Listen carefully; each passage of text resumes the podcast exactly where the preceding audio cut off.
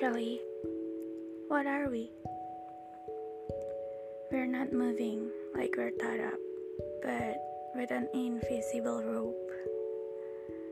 Interlock with each other, but not welcomed. You came like rain in the middle of the day, reduce the heat and make me soak at the same time. But it doesn't matter because I like your sun. Your sun is soothing and make me comfort. It feels like I can breathing with your sun for the rest of my life.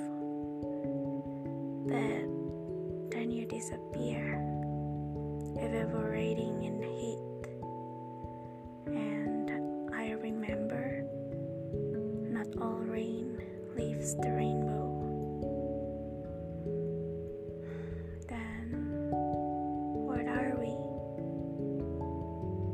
If you are the rain, maybe I'm just an art.